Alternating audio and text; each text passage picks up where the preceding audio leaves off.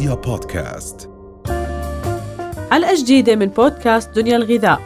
غذائنا مهم لصحتنا وصحة أولادنا. دنيا الغذاء بودكاست من دنيا دنيا. آه، موضوع البروتين دائما يشغل أنا باعتقادي بال النباتيين إنه أنا بدي أكون نباتية لكن بخاف من نقص البروتين مزبوط؟ صحيح. بتعرفي البروتين بشكل 20% من أجسامنا يعني 20% من أجسامنا هي مكونة من البروتين. والفكرة والأهمية باستهلاكنا اليومي لكميات كافية من البروتين إنه أجسامنا غير قادرة على تخزين البروتين. م. مش مثل بعض من الفيتامينات اللي بتتخزن بالجسم. البروتين احتياجاتي منه يومية احتياجاتي متجددة. ولكن لازم أنا أضمن إني أنا عم باخذ كميات كافية من البروتين وكمان في نقطة أساسية إنه زيادة البروتين تتحول بالجسم إلى دهن. نعم. فبالتالي مش إذا أنا باكل بروتين بقدر آكل قد ما بدي دجاج لحوم وأسماك وبروتين نباتي لأنه أنا ما بينصحني البروتين. هذا الكلام غير آه. صحيح.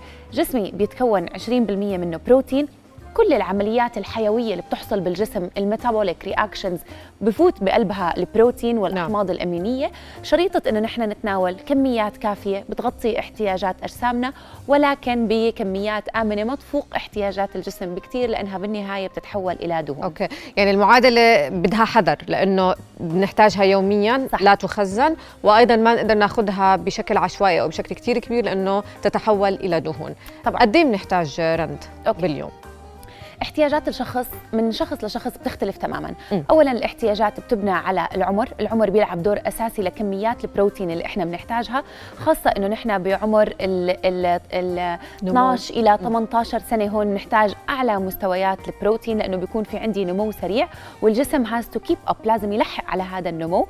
آه إذا نحن ما بناخذ كميات كافية من البروتين نحن هون بنسميها faltering growth يعني عم بصير في عندي نمو ولكن مش بالطريقة الصحيحة. أوكي. هون بنعطي اهتمام بالأخص للأطفال ما دون ال 12 سنة إنه أنا أعطيهم كميات كافية من البروتين ولكن شريطة إني أنتبه كمان شغلة أساسية العديد من الدراسات بتربط ما بين زيادة استهلاك البروتين بعمر صغير م. مع خطر الإصابة بمشاكل البدانة وكل الأمراض المتعلقة بالبدانة المزمنة م. اللي بتكون بسبب زيادة استهلاك البروتين نعم فعشان نبسط الكلام قد إيه أنا بحتاج بروتين بيختلف من العمر بيختلف بحسب إذا كان ذكر أو عادة الذكور بيحتاجوا نسب بروتين أعلى الإناث بتحتاج نسب بروتين أقل قل. العمر بيلعب دور أساسي زي ما حكينا آه، الحركة قديش أنا بتحرك باليوم فعشان هيك الطبيعي إنه إحنا بنحتاج من 0.8 جرام لكل كيلو جرام من وزن الجسم إلى 1.4 جرام لكل كيلو جرام من وزن الجسم مش سهل الرياضيين مش سهل آه، إحنا بدها عملية. حسابية مع آه. أخصائي تغذية هيك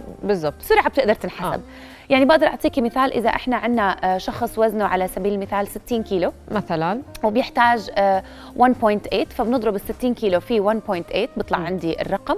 الرقم بيطلع لي قديش أنا بحتاج بروتين علما بإنه كل حصة غذائية بتحتوي على 7 جرام بروتين. عملية حسابية بسيطة بنقدر نعرف قديش من خلالها أنا بحتاج بروتين علما بإنه كل حصة غذائية من الدجاج اللحوم والأسماك والبروتينات النباتية بتعطيني 7 جرام من البروتين. فبالتالي أنا بقدر أحدد كم حصة غذائية من البروتينات أنا بحتاج أوكي. فإذا للأطفال بدي أعطيهم كميات بروتين ولكن ما ر- ما لازم أنبسط إذا ابني بياكل كثير بروتين والله برافو بياكل صدر دجاج كامل.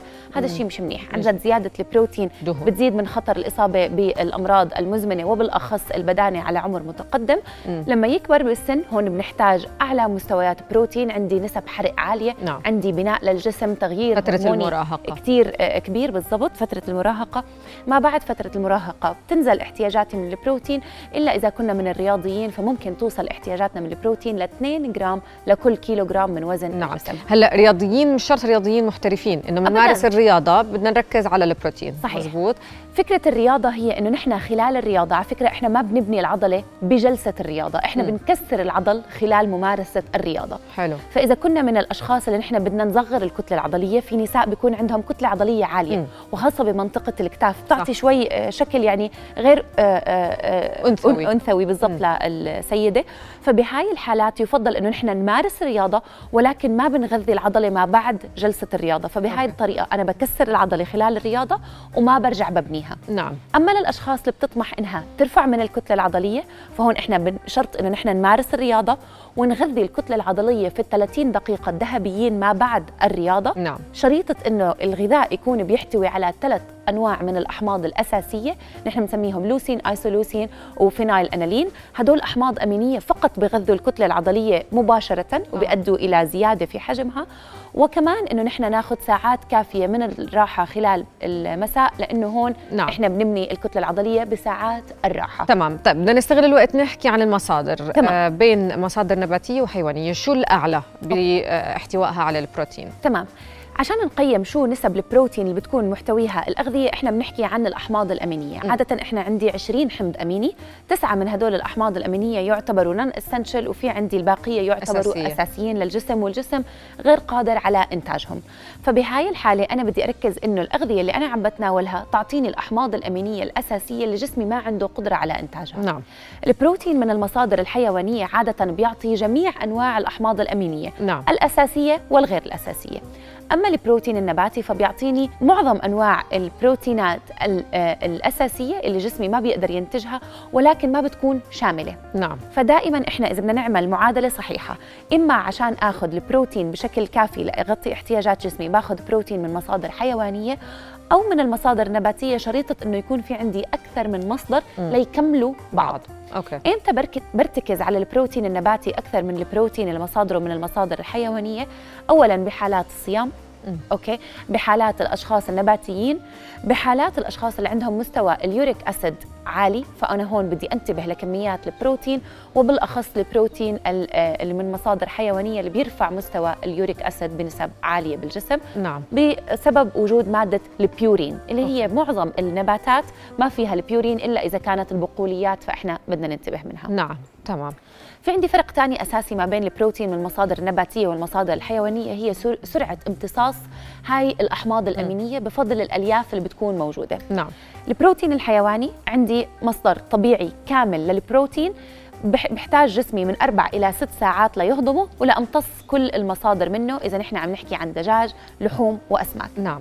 أما من المصادر الألبان أجبان ومشتقاتها فالهضم بيكون عندي أسرع وكل ما كان عندي البروتين سائل أكثر كل ما بيكون امتصاصه بالجسم أسرع تمام. عشان هيك إحنا بننصح ما بعد جلسة الرياضة ناخذ كوب من الحليب أو كوب من اللبن سريع الامتصاص وبغذي الكتلة العضلية وبؤدي إلى رفع في مستوياتها نعم. أما البروتين النباتي فللأشخاص اللي عم يتبعوا حمية غذائية نباتية يفضل ما بعد الرياضة نلجأ لمكمل غذائي على شكل البروتين لنحافظ على الكتلة العضلية نعم. والسبب إنه إذا أنا باخذ بروتين نباتي عادة بيكون مقرون مع الألياف م. بيكون مقرون مع الاكزلات نعم. هدول المواد بيعيقوا امتصاص البروتين بشكل سريع لأنهم بيعيقوا الهضم م. الألياف بتطيل عملية الهضم تعطي جسمي وقت أطول ليهضم فبالتالي بيبطئ عملية الامتصاص وبيبطئ عملية الاستفادة من البروتينات طب سؤال سريع هلأ إحنا بنحكي مكملات موجود مكملات ولا اللي مخفوق البروتين اللي بنشوفه الرياضيين بيتناولوا في عندي ال iso whey في عندي ال whey في عندي الكيزيين في آه. عندي الجلوتامين في عندي ال branched chain هذا موجود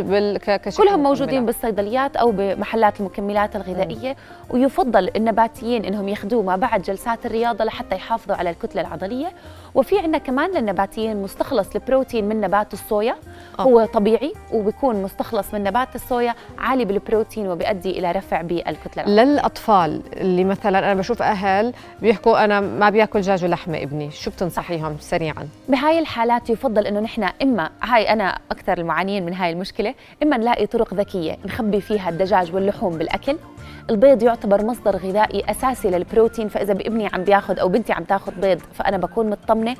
ثالثا مرات بنعطي مكملات الغذائية للحديد بالأخص لأنه نقص الحديد بيؤدي إلى نقص الشهية عند الأطفال okay. وبالأخص نقص الشهية من ناحية البروتينات الدجاج لحوم الأسماك. يعطيك ألف عافية رند الديسي شكرا لك. رؤيا بودكاست.